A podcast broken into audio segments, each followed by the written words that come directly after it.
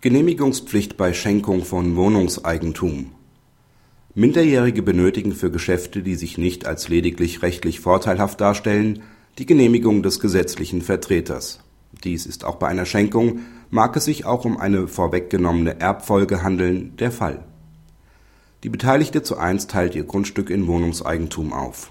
Eine der Wohnungen schenkt sie im Wege vorweggenommener Erbfolge unter Niesbrauchsvorbehalt und unter Anrechnung auf einen künftigen Pflichtteil der minderjährigen Beteiligten zu zwei.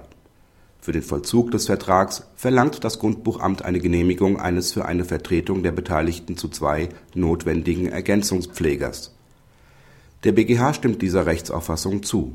Erwirbt ein Minderjähriger Wohnungseigentum, bedarf er, wenn es sich um ein nicht lediglich rechtlich vorteilhaftes Geschäft handelt, der Genehmigung seines gesetzlichen Vertreters.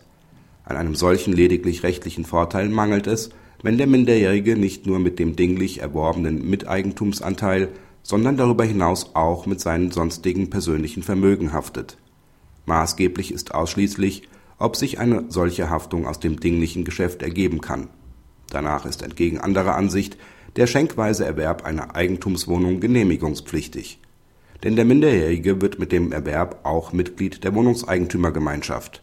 Er muss dieser gegenüber nach § 16 Absatz 2 und 28 WEG für die anfallenden Kosten zumindest anteilig einstehen und hat nach § 10 Absatz 8 Satz 1 WEG auch dritten Personen gegenüber für die durch die Wohnungseigentümergemeinschaft eingegangenen Verpflichtungen in der Höhe seines Miteigentumsanteils mit seinem sonstigen Vermögen zu haften.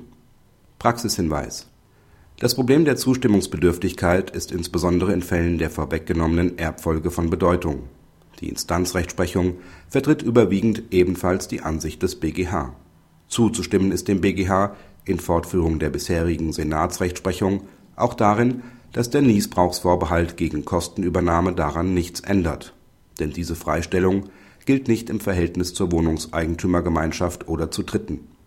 Sie ist auf das Verhältnis zum Niesbrauchsberechtigten beschränkt so dass eine Inanspruchnahme durch den Verband wie durch Dritte möglich ist. Denn der Niesbraucher hat zur Wohnungseigentümergemeinschaft zumindest kein einer Mitgliedschaft vergleichbares schuldrechtliches Verhältnis. Er kann von dieser nicht wegen Zahlungen in Anspruch genommen werden und deren Rechtsverhältnisse durch eine Teilnahme an den Beschlussfassungen gestalten